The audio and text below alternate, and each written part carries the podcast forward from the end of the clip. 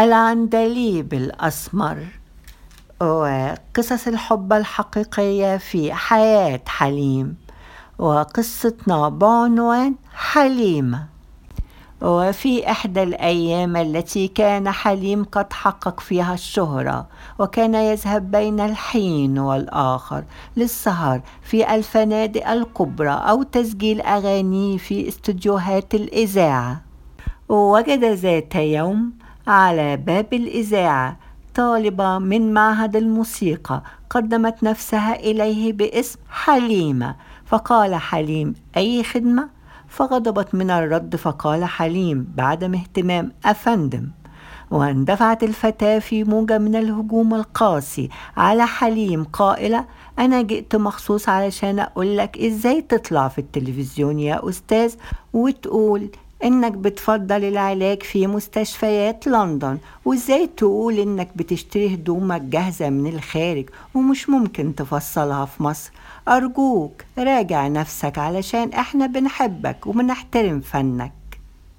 هنا شعر حليم بالإحترام اتجاه تلك الفتاة الشابة ودعاها للدخول الإذاعة معه وفي ركن هادي استكمل الحوار بهدوء أكثر. قال حليم بعد أن دمعت عيناه إن هذه أول مرة أراك فيها ولكنها لن تكون الأخيرة. وطلب عنوانها وذهب إلى أسرتها فيما بعد بسيارة أجرة وتعرف على أسرتها المتواضعة وتكررت زياراته لهما. وبدأت حليمة تدق الأبواب المغلقة في قلب حليم واعتبر هو أن هذه أقوى قصة حب في حياته بعد فراق حبيبته ديدي التي سرقها منه الموت.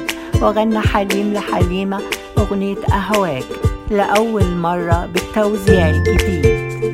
في منزل الأسرة.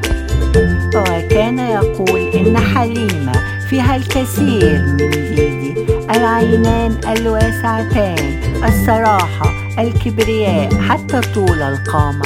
وتعلق بها العندليب. وحينما كانت تغيب عنه وتمضي أيام لا يسمع صوتها. كان يشعر بالاختناق وكما بدأت قصتها فجأة وبلا مقدمات طويلة كانت النهاية فجأة أيضا. حينما سحي حليمة على خبر إن ابن عمها قد سبقوا في الاقتران بها.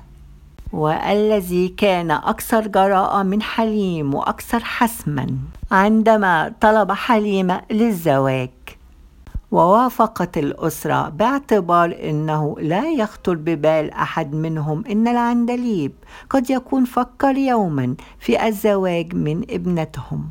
ابنة الطبقة الفقيرة الكادحة ولكنه في الحقيقة كان يتمنى.